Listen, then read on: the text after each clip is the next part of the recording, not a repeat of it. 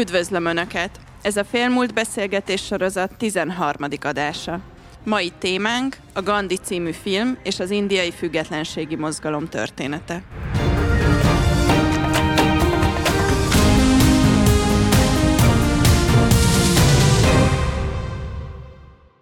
A mai vendégeink pedig Aklan Anna Katalin, indológus, az ELTE indológia tanszékének megbízott előadója, és Bira Paramacsandra, történész, az ELTE Bölcsésztudományi Karának egyetemi adjunktusa. Nagyon szépen köszönöm, hogy elfogadták a meghívásunkat a mai beszélgetésre. És akkor kezdjük talán, mielőtt egy-egy részletbe belemennénk, kezdjük azzal, hogy ez az egész film ugye 82-ben készült, és egy brit alkotásról beszélünk. Az indiai kormány támogatta ennek az elkészültét, de az egész azért a nyugati közönségnek, filmnéző közönségnek készült, brit a főszereplője, a rendezője, nagyon nagy sikere is volt, hiszen számos Oscar díjat nyert. Mennyiben reális az a kép, amit ez a nyugati nyugati szempontrendszerű film tükröz Gandiról. Ugye az egy, elég egyértelmű a filmből, hogy egy ö, idolnak tekinti, egy ilyen világi szentként ö, vagy apostolként mutatja be. Ez mennyire reális bemutatás, és mennyire esik egybe ez a fajta nyugati megítélés, ami, ahogy említettem, szerintem mai napig ö, ez, ennek a lenyomata az megvan, mennyire esik egybe az indiai megítélésével Gandinak, és aztán nyilván a tevékenysége részleteibe majd belemennénk, de a film alapján mennyiben kapunk igazi vagy hiteles képet az ő személyéről. Anna? Jó. Jó napot kívánok, köszönöm szépen a meghívást. A, válasz, vagy a kérdésre lehet hosszan is, meg rövidebben is válaszolni. Alapvetően, a, hogyha azt nézzük, hogy mennyire reális az a Gandhi kép, amit a film közvetít, akkor azt kell, hogy mondjuk, amit Ettenborough a rendező is mondott, hogy ő a szellemiséget akarta megfogni és közvetíteni, és én úgy gondolom, hogy az sikerült is. Tehát Gandhi filozófiája, az üzenete, ugye, amit mondott, hogy az életem, az üzenetem, az ő hitelessége. Én azt gondolom, hogy ezt a film nagyon szépen közvetíti, köszönhetően többek között Ben Kingsley alakításának is, akinek egyébként az édesapja indiai, és onnan származik, ahonnan Gandhi is származott. Tehát valóban ő már nyugatinak számít, de azért indiai származású a színész. Tehát, hogy visszakanyarodjak, a szellemiséget közvetíti, a történelmi események tekintetében pedig azokat inkább alárendeli a személyiség megformálásának, ezt kell, hogy mondjuk. A másik felére a kérdésnek pedig, hogy mennyire esik egybe ez az idol, ez az eszménykép az Indiában élő Gandhi képpel. Én azt gondolom, hogy nagyon, különösen az elején a, a, a a felszabadulás, tehát a, a szabadság kivívása után valóban a hivatalos propaganda, és ezt elsősorban Nérúnak köszönhetjük, és utána Indira Gandhi, stb. Tehát ők valóban Gandit egy eszményként tették India népe elé. Ugye a megnevezése is az, hogy a haza atya, Father of the Nation a mai napig Gandhinak, Gandhijinak és a mai napig az indiai kormány nagy előszeretettel és szinte szentként propagálja Gandit. Egy másik kérdés, hogy már akkor is, hiszen ugye egy honfitársa lőtte le, már akkor is megosztó volt a tevékenysége, tehát Gandhit sokfelől sokan gyűlölték mindenféle okból kifolyólag, és és a mostanában, tehát így a 2000-es évektől pedig az újabb generáció fogalmaz meg egyre több kritikát Gantival szemben. Már akkor is az egyik ilyen, amit ha megemlíthetek, az az érinthetetlenek vezetőjével, Ámbétkárral való egyen egyet nem értése, konfliktusa, tehát ez az egyik, amiért Indiában támadják, a másik pedig a, a feminizmus, tehát a nőkkel való bánásmód. Ezek az Indián belüli kritikák, aztán többiről beszélünk később. Igen, köszönöm szépen. Tudom, hogy kicsit nehézen esik ezt a dolog, amit mondani fogok. Indiában nem hős Gandhi. Mutatják úgy, hogy ő a Indiának az atya, stb. modern Indiának, ő a meghatározó személyiség, stb. de azt kell mondanunk, hogy megyünk valakinek az otthonaba, és nézzünk, milyen embernek a képét rakja otthon, az Subos Chandra Bose és ez egy bengáli harc, szabadságharcos volt. Ő inkább ilyen katonai vonalt vitt végig, hogy az angolok ellen nem szabad így engedni az angolokat, inkább katonailag harcoljuk az angolok ellen. Indiában 67 százalék a parasztság mai napig, és akkor ők abszolút nem hiszik a Gandhiba. A logika azt gondolja, ő az angoloknak az embere. Így ítélik, hogy mai nap például mindig vannak olyan események, amikor nyilvánosan csinálják ilyen Gandhi szobrokat, és ilyen extrém hindu pártok lövöldöznek nyílt utcákon. És akkor így nagyon nagy probléma, mert az indiai kormány erőltetja a Gandhit, szobrokat állítanak, mint régen itt a Stalinnak, vagy Leninnak, vagy Marxnak, és ugyanaz a fajta eszme megy végig, és az a lényege, hazamegy egy gyerek, nézi Gandhi szobort, hazamegy este, akar valamit tenni, nincs semmi a tányérba, kicsit kevés a Gandhi. Kevés a Gandhi. És akkor azt a probléma Indiában, hogy nincs legitimáció Gandhizmusnak és Gandhinak muszáj rakni, a középosztály, aki nagyon jól jár a modern Indiával, ők kicsit támogatják, nem igazán, kicsit támogatják, de nagy része a lakosság kényszerítve van, hogy utcákban mindenhol ábrázolni kell Gandhit és szoborokat kell rakni, de valódi legitimáció nincsen. De tudom, mert Európában éltem 17 év korom óta, és tudom, hogy itt nagy hős. Szó szerint az emberiségnek egy nagy jelentős része azt hiszi, Gandhi jó ember, jó tett, és stb. Az jelenti, Gandhi egy nyugati termék, és nyugati eszme hiány szolgál. Hogy volt egy hiány, aki, aki mondja békérendszer, stb. vegetáriánizmus, joga, az szükség volt valamikor a háború után az embereknek, azt mondtak a gandhizmus, itt szükség van nekünk. És akkor azt láttam én, élettapasztalatom keresztül. Amikor elég kiskor óta Gandhival kellett élnem, szó szerint, olyan szempontból, hogy olyan szempontból, hogy annyira hős volt nekünk, hogy kisgyerekkoromban dolgoztam ilyen mango öltötvénybe, és kaptam zseppénzt, hogy kisgyerekkoromban, és abból vettem az összes Gandhi írásokat vettem, és csak az volt a probléma, próbáltam olvasni, 12 éves voltam, gondoltam, lehet én nem vagyok okos, de nem értettem semmi belőle. Így ilyen közhelyes kocsvalék volt szó szerint kicsit, de ne, gond, magamat hibáztam, mert mondtam, hogy inkább én nem értettem, és az volt a utam, hogy végigmentem az életembe, próbáltam felfedezni kicsit többet, de sajnos még mindig kérdések vannak. Egy kicsit hagy védjen meg a Gandit, mint egy nyugati, aki szereti, de igazából azt Maga szeretem kellett. mondani. Köszönöm, ez, ez nagy megtiszteltetés.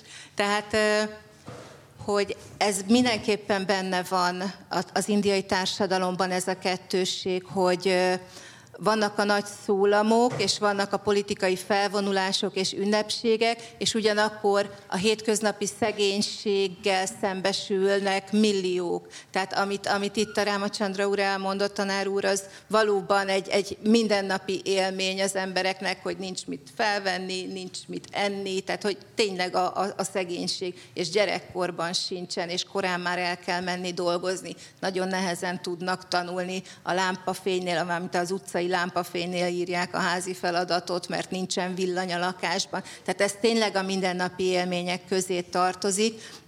Viszont én, nekem meg egy olyan tapasztalatom volt, egy indiai diákom mesélte, egy lány, aki szintén már, ahogy mondtam, ugye generációs különbségek is vannak, aki már szintén erőteljesen megkérdőjelezi a Gandinak a nagyságát, a Mahatmát, a Mahatma Gandiból, ugye azt jelenti, hogy nagy lélek, de ezt mindannyian tudjuk, de az ő nagymamája viszont még nagyon tisztelte Gandit, és a nagymamájának a korosztálya az még de ha nem is a nagymamája, de a déd nagymamája, tehát a családi emlékezetben megvan, hogy az egyszerű emberek is részt vettek a, a függetlenségi mozgalomban, tehát ők is sztrájkoltak, ők is mentek a menetekben, őket is bebörtönözték, tehát rengeteg egyszerű embert is bebörtönöztek, és ez azért valamilyen szinten a mai napig én úgy gondolom, hogy megvan az intársadalomban. Tehát egyrészt megvan ez, hogy ez az erőltetett propaganda, hogy Gandhi a nagyhős, de talán ez talán egyre inkább kiveszőben van, nem tudom, de másrészt pedig ott van az, hogy, hogy még a mi nagyszüleink is, dédszüleink is harcoltak Gandhiji oldalán, és őket is bepörtönözték, ők is harcoltak a függetlenségért, tehát ez is még azért valahol megvan. Visszatérnénk majd még erre, az úgy érzem, hogy beletenyereltünk egy erőteljes vita témába, de azért segítsenek először megérteni azt, hogy mi is volt a jelentősége annak az egész mozgalomnak, amit ugye Gandhi fémjelzett és ő vezetett, és ami aztán oda vezetett, hogy 1947-ben India ugye önállósodott, és a brit gyarmati rendszer felbomlásának, hát ez egy nagyon erőteljes jele, vagy kezdete volt igazából. Mi volt Indiának a kulcs szerepe, és miért volt egy nagyon erős üzenete annak, hogy 47-ben pont India lesz az első, ami függetlenedik, egyfajta üzenetértékkel a világ többi része felé is? Az hosszú folyamat. A brit birodalom nem bomlott, szét, szétszakadt inkább, nem. És az volt a helyzet, hogy 1880-es évektől már folyamatosan. India nem is volt fontos a brit birodalomban, a kormánynak és az államnak. Inkább a Kanada, Ausztrália és Új-Zéland volt fontos, és ahogy lassan ők kaptak a dominium státuszt, és 31-ben függetlenség is kaptak, és akkor csak egy forrás volt a Nagy-Britanniának, India. Csak onnan lehet. Azért is a Krém háború után, 55-ben áthelyeztek Indiába 98 ezer angol katonát, mert nem tudtak fenntartani Nagy-Britanniába, így India egy katonai bázis lett egész Kínát, Afrikát onnan hódítottak, közel-keletet, és ki fizette? India fizette. Az jelenti, miért fontos India? India azért fontos, hogy legyen angol katonai bázis. A tengerészeti rész erős volt a világon a angoloknak, de egyre jobban a konfliktusok Eurázia térségen játszottak. Oroszországgal, Kínával, stb. És akkor ahhoz katona kellene, forrás kellene, és India volt egy forrásbázis. Így van, az angol hadseregnek az egyharmada a Indiában állomásozott, és valóban, tehát már a függetlenség előtt is, és, és ez is az egyik oka volt annak, hogy nem akarta feladni Indiát olyan könnyen Anglia. Na most az, igen, az nagyon helyesen hangzott el, hogy hosszú folyamat volt a függetlenségi harc. Igazából India már amikor hivatalosan gyarmat lett, az is egy függetlenségi harc után történt. Az 1857-es úgynevezett szipoly lázadás, vagy indiai függetlenségi harc után. Azt megelőzően még az, a, a kelet-indiai társaság irányította Indiát, tehát hivatalosan azt megelőzően nem volt gyarmat. Tehát ez is egy paradoxon, hogy miután vívnak egy kvázi függetlenségi harcot, azután lettek hivatalosan is brit gyarmattá, és innentől fogva indul gyakorlatilag a függetlenedés vágya. Tehát ez, ezt már a, a 19. század második felétől, akkor ennek volt egy nagyon erős megtorlása, nem nagyon engedtek semmi ilyen mozgalmat, és az 1800-as évek második felében viszont elkezdődött az, tehát már hamarabb is, de akkor egyre erősebb lett, hogy a, a, a tehetősebb, felsőbb osztálybeli indiaiak Angliában és angol nyelvű neveltetést adtak a gyermekeik számára. És ezáltal jött egyfajta önreflexió.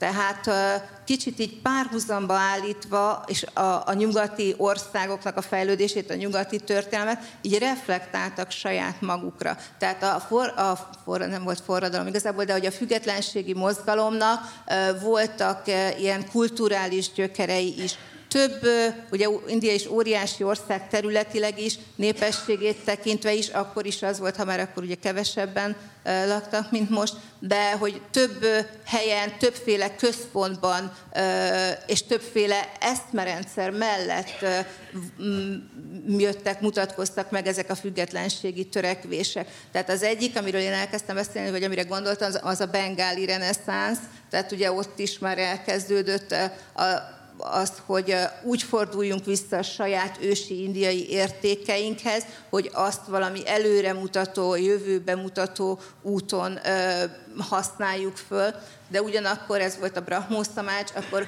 volt az Árja Szamács Gujaratban, ugyanebben az időben jött létre. Ők viszont egy erőteljesebb, kicsit erőszakosabb hindu nacionalista mozgalmat képviseltek. Tehát több, több szálon futott a cselekmény. Itt elhangzott az előbb Subhash Chandra Bósznak a neve, aki valóban egy indiai nemzeti hadsereg élére állt 1942-ben, de ezt meg megelőzőleg, elnézést, ezt megelőzőleg Bósz a 30-as években Mussolinivel tárgyalt, és 40, 41 és 43 között pedig a hitleri Németországban élt, és ott az úgy gondolta felszabadítani Indiát, hogy majd a németek segítségével tudják a briteket kiverni. Tehát nem csak Gandhi volt, ő volt a leghíresebb, a leg több nyilvánosságot kapó szereplője a függetlenségi mozgalomnak,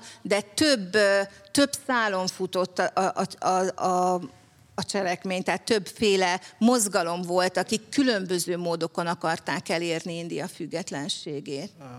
Csak történelmileg szeretnék, szeretnék mondani, hogy nem volt semmi független mozgalom elnézést tisztázom, miért mit mondom. Az volt, hogy 1800-ban Oriental College, egy egyetemet alapítottak az angolok, hogy pontosan, hogy visszahozzunk az indiai civilizációnak egységét, mert akartak uralkodni, és ezerféle darabok fölött nehéz uralkodni, nagyon költséges valahogy kellene egy egységet teremteni, és az angolok voltak az élén, hogy nyelveket kodifikálunk, grammatika, minden, stb. Adjuk egy formát az indiai kultúrának, és mert nagyon szétszórt volt, és nem, nem volt egyfajta eh, keret az egésznek. És akkor az angolok nagyon sokat dolgoztak, és több eh, ezer tudósokat összehoztak minden az egész indiai területtől, és Kalkotában gyűjtöttek őket, hogy egyfajta alkotjanak egy egységes kultúra, civilizációs képet.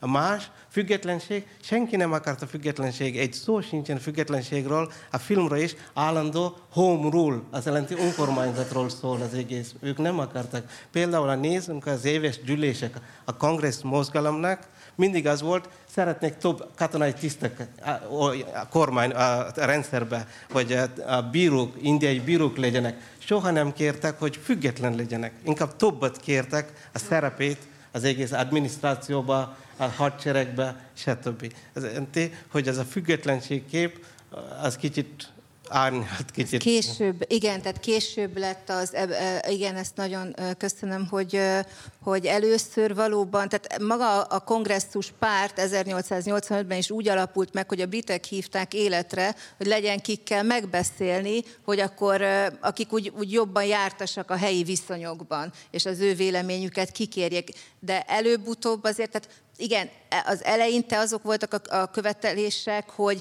hogy a, a saját kormányzásukban, a saját törvényhozó testületükben egyre nagyobb résszel ö, vegyenek részt indiaiak, ugyanis a kezdetekben nem vehettek részt, tehát, vagy főleg a britek ö, ö, irányították őket.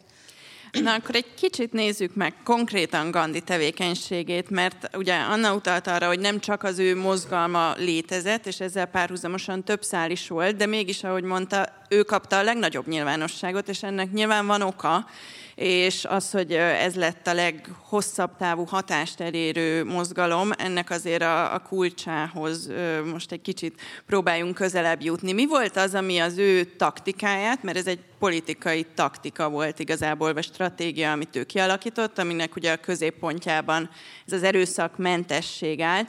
Mi, milyen behatások formálták őt? Engem nagyon meglepett, mikor készültem a beszélgetésre, hogy például a Deák Ferenci passzív ellenállása a 48-49-es forradalom és szabadságharc leverését követően például ő erről tudott, olvasott, és ez formálta valamilyen módon a gondolkodását, vagy írt legalábbis erről. De ugye tudjuk, hogy élt a Nagy-Britanniában, Dél-Afrikában is, tehát milyen elemek azok, amik aztán arra a következtetésre jutott, mik, mik azok a behatások, amik ezt a taktikáját kiérlelték? Én is az, azt a részét akartam kutatni, és kutattam is, mert mindig ugye érteni akartam, hogy mi az egész, hogy Gandhinek fogalma se volt ilyen dolgokról, passzív ellenállás és semmi. És az angolok észrevettek, hogy Magyarországon Deák Ferenc az alkalmazza. Jogász volt, taktikázta a, magyar-osztrák birodalommal, és akkor próbálta taktikázni és valami szorítani az osztrák monarchiát, stb. És akkor azt legalább 61 cikket írtak, vezírcikket, angol újságokban, Times-ba, hogy mennyire hatékony az egész mozgalom. És akkor azt próbáltak a Nagy-Britániában is alkalmazni, mert voltak egy házreform és iskola oktatási terén, és akkor ott is alkalmaztak az egész.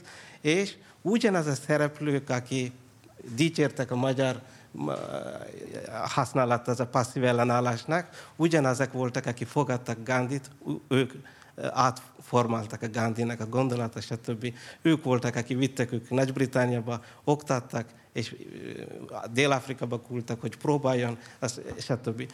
Magában Gandhiról semmi nem jött ilyen szempontból. Ezzel egyetértem? Hát én úgy olvastam, hogy ö, ö, amikor Nagy-Britanniába ment, az tényleg egy meghatározó uh, időszak volt az életében, ugye ott tanult ügyvédnek, és uh, az egész úgy kezdődött, hogy ő vegetáriánus volt. Ugye ő, mint brahmin, nem is mehetett volna el Indiába. Ki is, nem is brahmin volt, bocsánat, hanem uh, Banya. Banya, igen. Banya. Ez mit jelent? Tehát ugye a kasztrendszer van Indiában, van a négy fő kaszt, és azon belül a rengeteg-rengeteg dzsáti, és ő egy kereskedői kasztba tartozott, és az ő, az ő számára is tiltott volt egyáltalán külföldre menni, mert akkor rituálisan tisztátalanná válik. És ki is közösítették egyébként a kasztjából, de ő ettől függetlenül elment, tehát nem törődött ezzel. Viszont az édesanyja egy nagyon vallásos hölgy volt, és csak úgy engedte el, Gandhi ekkor már házas ember volt, tehát ugye 13 éves volt a felesége, ő 14, amikor összeházasodtak, és 18-19 évesen ment Angliába, és az anyukája megeskedte, nem akarta elengedni, megeskedte, hogy csak akkor mehet Angliába, ha megesküszik, hogy, hogy nem eszik húst, ez nagyon fontos kitétel volt, nem iszik alkoholt, és nem érint nőt. Tehát ez volt a három eskü, amit le kellett tenni, és és ezt Gandhi be is tartotta, de nagyon nehéz volt, tehát még a mai Magyarországon sem magától értetődő vegetáriánusnak lenni, de akkor Angliában meg aztán egy hihetetlen harc volt. Voltak is ilyen mindenféle mondókák, hogy az indusok azért olyan gyengék, mert csak növényt tesznek, bezzeg a hat, hat láb magas az angol, mert marhahúst teszik, stb. És akkor ő akkor kezdett erre, erre úgy ráfókuszálni, hogy miért is van az, hogy ő nem, egyrészt, hogy hol talál magának vegetáriánus élelmet, és talált egy kis éttermet, ahol összebarátkozott a tulajdonossal, meg azokkal, akik oda jártak, mert kiderült, hogy ők már tudatosan voltak vegetáriánusok, és ennek kapcsán kezdett el mindenféle ilyen irodalmat olvasni, mindenféle vallásos irodalmat is, a saját kultúrájára is akkor kezdett, ugyanis addig, amíg Indiában élt, ez egy ilyen mindennapi szokás volt, a rituálé, a rítusok, a szokásrendszer nem volt tudatos. És ott, amikor kül- külföldre került, akkor kezdett el tudatosan erre reflektálni, és ennek kapcsán kezdett el mindenféle vallásos irodalmat is olvasni, valamint ugye annak a korszaknak a reform gondolkodóit.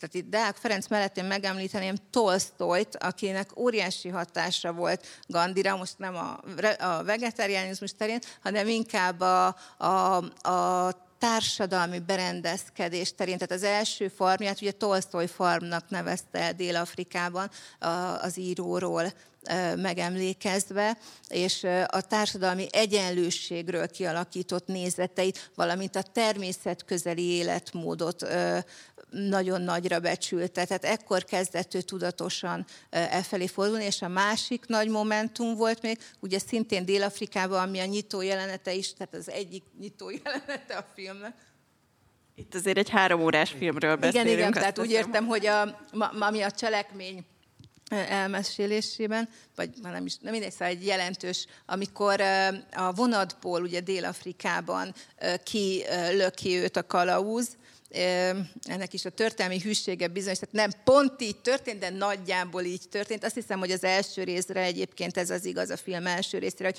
nem pont úgy történtek, de nagyjából úgy történtek a dolgok. Tehát Hát Itt pedig ekkor kezdte el olvasni. Egy kép, ami adta, de van ennek egy másik kép.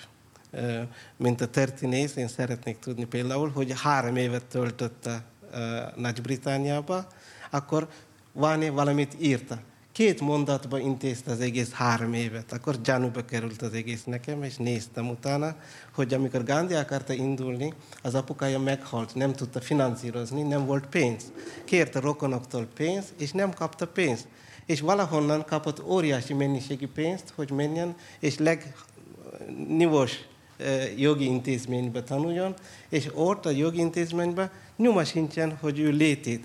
Nincs barát, nincs semmi. És akkor egyik állami portál úgy magyarázta, hogy nagyon okos volt Gandhi, csak oda ment vizsgázni, és kész, és visszajött. Ilyen dolgokban. És a másik, hogy a vegetáriánizmus nem a tradícióból fedezte meg, ott volt, alakítottak 1888-ban Nagy-Britanniában egy vegetáriánus társaságot. És ott fogadta Annie Besant Gandhit, és ott fedezte. És 72 vacsorába kellett részt venni, ahol rendesen, az a jogi intézménybe, akkor ott rendszeresen húst evett. De utána került, 88 utána, amikor egy vegetáriánus társaságban részt lett, akkor lett ő vegetáriánus valóban, és az a vegetáriánus társaságban tagok, ők segítik Gandhit végig az állammal kapcsolatban végig. Ezért mondom, a vegetáriánizmus és a ügyvédi részét és kicsit még kutatni kell, mert nincsen sok minden. Úgy vélem, hogy ő kapott az angol államtól egy jogi diploma, mert Deák Ferencnek jogi diploma volt, mindenki, aki ilyen ellenállásban volt, jogi diploma kell, és ugyanúgy az a modell, az a Deák modellt át akartak vinni, és akkor oda ítéltek neki egy diplomát. Ha jól értem, ez hipotézis. A hipotézis szerintem az valós is, mert hazajön, és próbálja védeni egy ügyet vinni bíróságba, első pillanatban ott áll, és elájul. Nem tudja. Dél-Afrikában se tudta jogászkodni nem tudta keresni pénzt. Na de ha már Dél-Afrikánál tartott, Anna, ott mi, mi volt az a én momentum, más forrásokat ami... olvastam ezek szerint, úgyhogy majd itt lesz egy forráscsere, amikor én is utána olvasok. Igen, úgy érzem, hogy szétválik a beszélgetés pro-kontra oldalra egyre inkább. Tehát Dél-Afrikában azért ugye ő úgy tér vissza Indiába már, hogy ezt a ö, békés ellenállás és passzív ö, ellenállásnak a politikáját képviseli. Tehát Dél-Afrikában valaminek azért történni lennie kellett, ha jól sejtem. Én úgy tudom, aztán majd itt tanár úr elmondja, hogy ő hogy, ugye, hogy, hogy ekkor kezdett el ugye foglalkozni azzal, hogy, hogy az ott élő indiai közösségnek a jogait mi módon tudja megvédeni. Tovább folytatta a különböző vallásokkal kapcsolatos tanulmányait, a Bibliát is olvast, és volt egy meghatározó mű, a Raskin, az úgy, nem is tudom magyarul, hogy megvan ez a könyv, de ahogyan magadnak is úgy, ahogyan a legutolsónak, tehát ez is egy ismét egy bibliai utalás, és ebben is ezt az egyenrangúságot fejti ki, és erről ír, és, és e, ennek kapcsán én úgy tudom, hogy Gandhi saját maga a különböző olvasmányai révén, a különböző belső tusakodásaink keresztül jut el odáig, hogy egy nagyon komplex filozófiát fejleszt ki egyébként, tehát a Gandhi művei azért azok rengeteg-rengeteg könyves polcot megtöltenek, tényleg 30 kötet, nem tudom, amit ő írt, tehát ő, ő, ő írt rengeteget, ugye a, a mm, folyóiratokat adott ki, két könyvet szerzett, de, de rengeteg folyóiratot, a beszédei fel vannak jegyezve, levelezése óriási, tehát azért úgy ki lehet hámozni, hogy ő mit gondolt tulajdonképpen, és az ő filozófiájának az alapja egy nagyon-nagyon erős Isten hit. És az ő erőszakmentességének az alapja is egy nagyon erős Isten hit. És azt mondja, hogy a, az Isten lényege az, hogy ő az igazság maga, tehát az igazságot kereste folyamatosan, tehát hogy ő, ő az igazság, és ő a szeretet. És hogyha Istenhez hű életet akarunk élni, akkor egymás felé szeretettel kell lennünk, nem szabad ártanunk senkinek sem. Tehát ez volt az az alapvető filozófia, ami mentén ő kifejlesztette azt, hogy ez a nem ártás, ami egyébként szintén az én tudomásom szerint egy ősi indiai fogalom, az ahimsa, a nem ártás elve, ez elég régi időkre visszanyúlik. Tehát, hogy, hogy a nem, ne ártsunk a senkinek, se fizikailag, se lelkileg, stb., de elsősorban ugye most a fizikai nem ártás elvéről beszélünk, és ennek alapján, hogyha, de mivel ugye jogász is volt, ezért kidolgozta ezt az ellenállás, a passzív, nem, nem, van, ahol kritizálta, van, ahol használta ő maga is ezt a szót, hogy passzív ellenállás, inkább az erőszakmentes együtt nem működés volt az, amit ő szeretett használni, hogy ugye, mint jogász úgy gondolja, hogy egy jogrendszer, ami demokratikus, ott az egyének engedelmeskednek a saját akaratukból a törvényeknek. De hogyha egy olyan törvény kerül bevezetésre, amivel nem tud morálisan egyetérteni, akkor az egyénnek jogában áll, hogy megtagadja azzal a törvényel való együttműködést, sőt, ahhoz, hogy eredményt érjen el, arra az időre felfüggesztheti a többi egyéb törvénynek való engedelmességet is. Tehát ez volt az az elv. És aztán, hogy hogyan vezette ezt a mozgalmat, én úgy gondolom, hogy ez egy iszonyú kreativitást igényelt, és folyamatosan újabb és újabb ötleteket, tehát például a csarká, a szövőszék, például a showmenet, tehát ezek mind-mind olyan szimbolikus események voltak, amik közérthetőek voltak mindenkinek a számára. De, pont ugye azt mondtunk, hogy ez a jogi taktikázás, nem ő találta, Deák Ferenc találta. Ugye ez nem újdonság. És Henry, David Henry Thoreau, amerikai filozóf, ő is abba mindenki tudta. Az jelenti, nem, nem a sajáti az, az a filozófia. Erőszakmentes, például, hogy erőszakmentes hogyan használta Gandhi, az, hogy az angolokat nem bántjuk, de az angolok bánthatják minket. Például visszamegy 1915-ben Nagy-Britanniából megy Indiába, és akkor első, amit kezd, mit csinál? Az mondja, hogy nem szabad tiltakozni az angolok ellen, hogy erőszakot alkalmazni az angolok ellen, de 1,7 millió annyi katonát toborozta, hogy elmenjen angolok számára harcolni. Jó, háborúba küldünk a fiatalokat, az, az nem erőszak?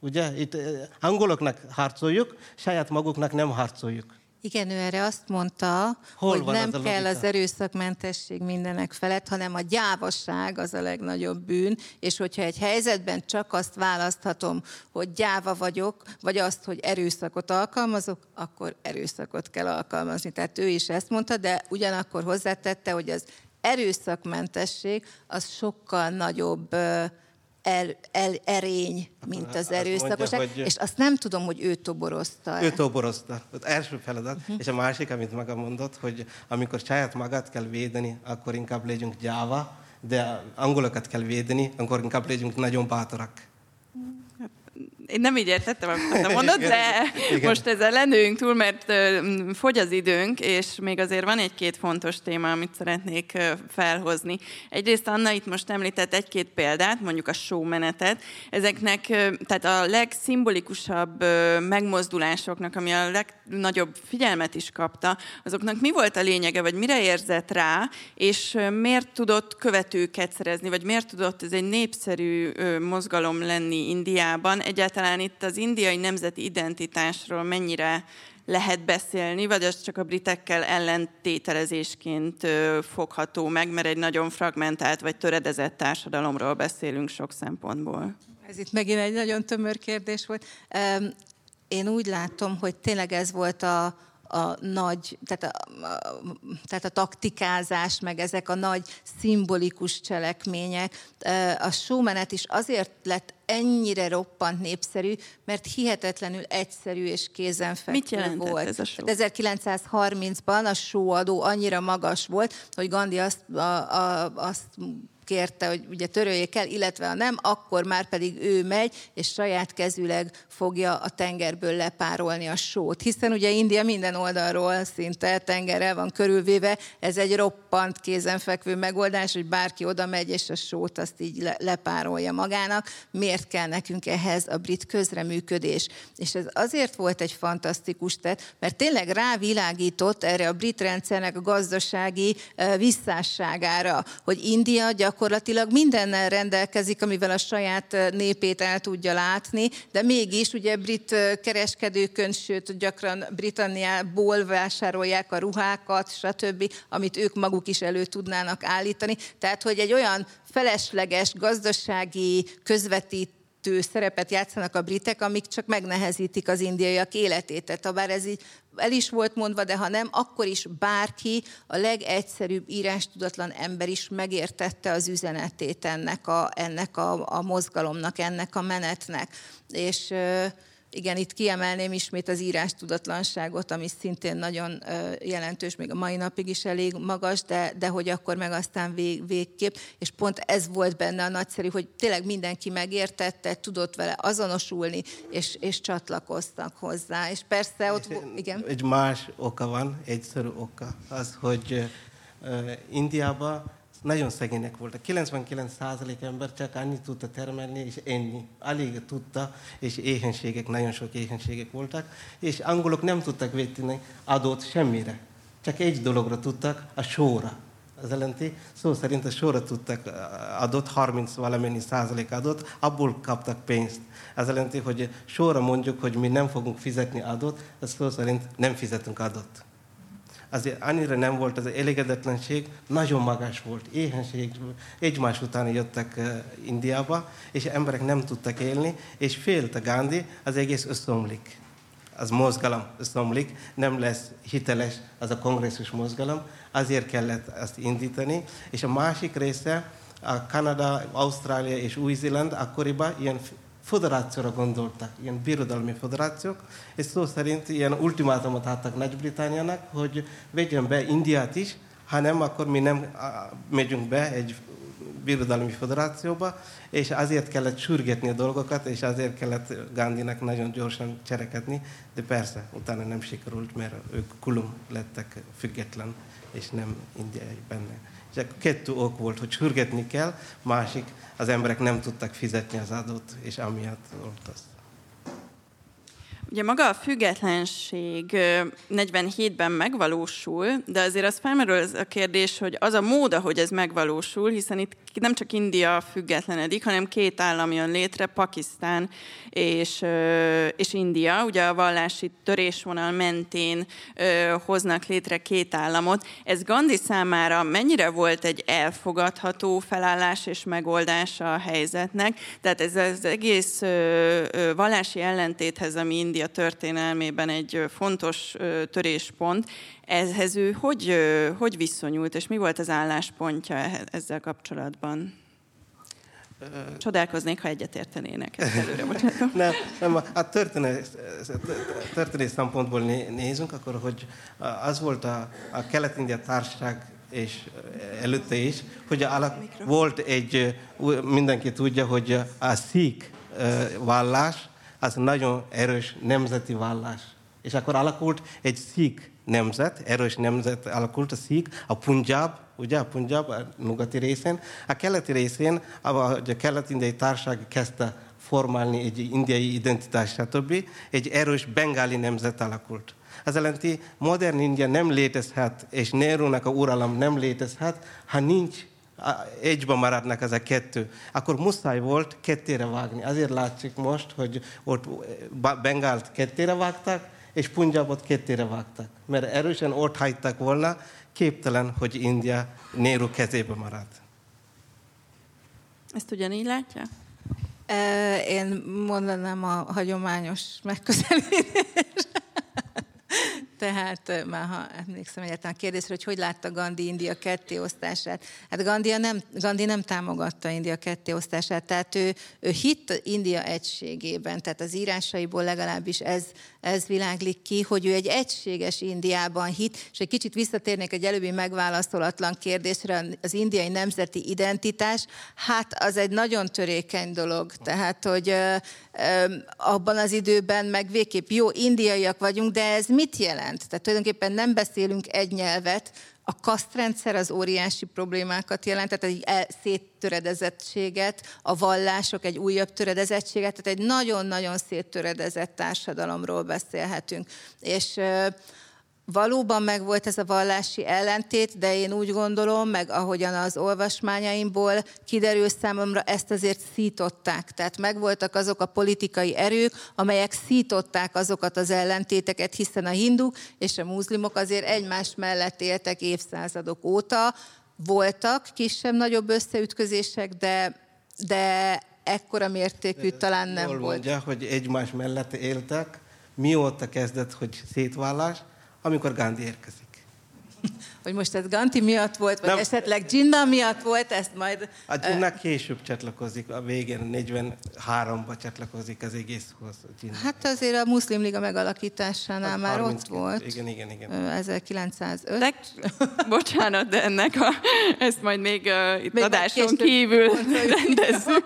De hát itt egy lényeg kicsit... az, hogy én úgy tudom, hogy Gandhi nem akarta a kettéosztást, viszont, és ez is nagyon jellemző a személyiségére, amikor végül már megtörtént történt kettéosztás, akkor meg viszont már azt mondta, hogy akkor viszont csináljuk fair módon, Pakisztán kapja meg, ami neki jár. Ugyanis hát az India első kormánya vissza akarta tartani. Az volt a megállapodás, hogy mindenből Pakisztánnak jár az őt megillető rész. A kincstárból, a hadseregből könyveket kitéptek félbe a könyvtárakba, és az egyik rész oda került, a másik ott maradt. Tehát, hogy nagyon komolyan vették, de eredetileg nem akarták kiadni Pakisztán jussát, tehát ahhoz is Gandinak kellett egy újabb éjségsztrájkba fogni, hogy kiadják Indiának.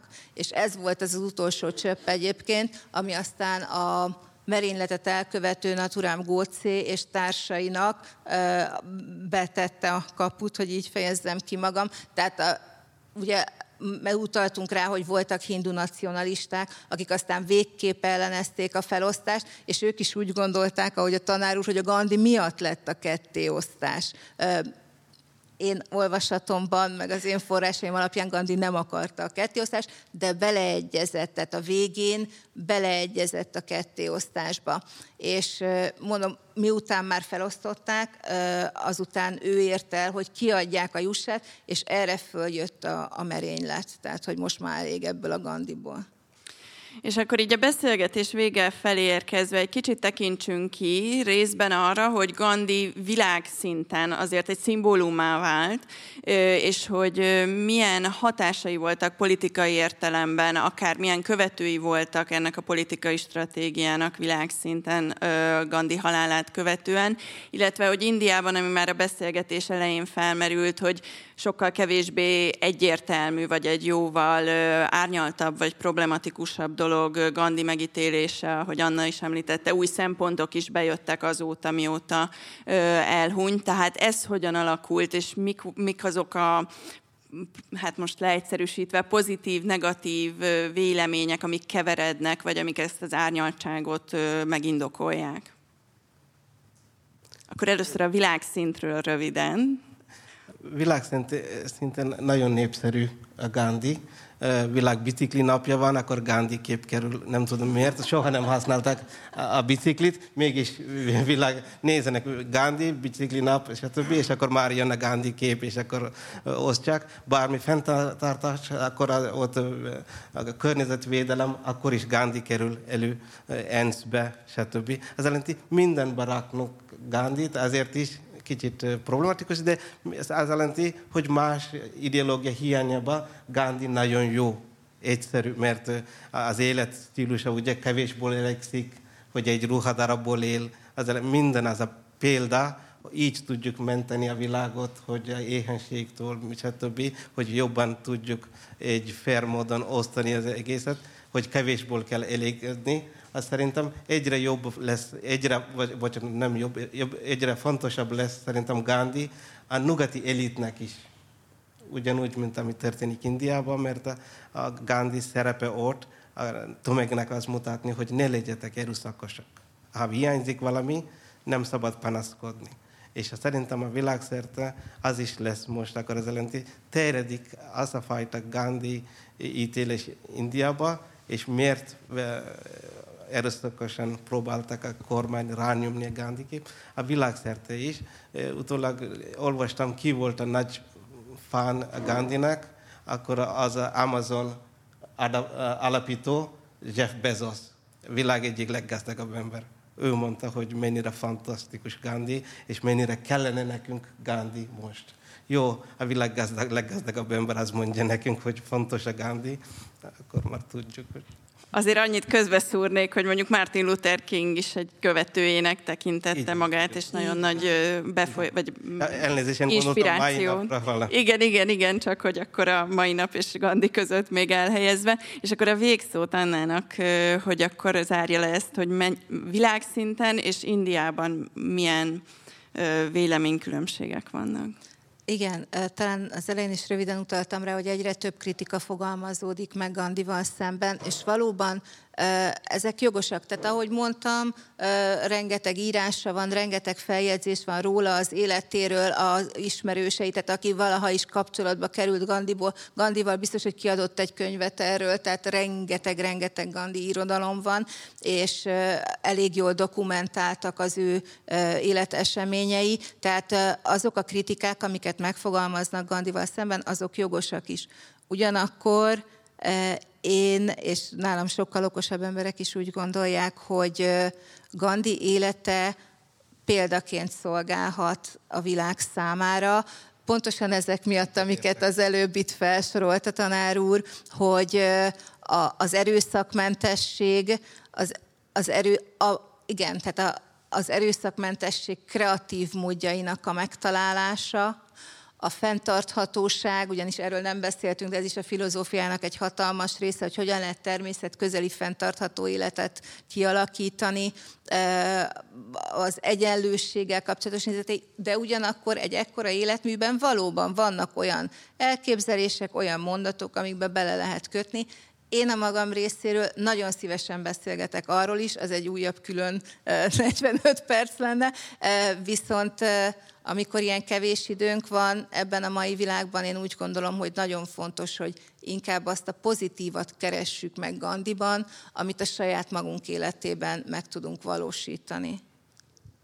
Nagyon szépen köszönöm a beszélgetést. Természetesen még a jelenlévőknek lesz lehetősége kérdezni a beszélgető partnerektől. Köszönjük szépen azoknak, akik online követtek minket. Tartsanak velünk legközelebb is, immár a nyári szünetet követően, de addig is kövessék a 20. század intézet Facebook oldalát. Köszönjük szépen a figyelmet!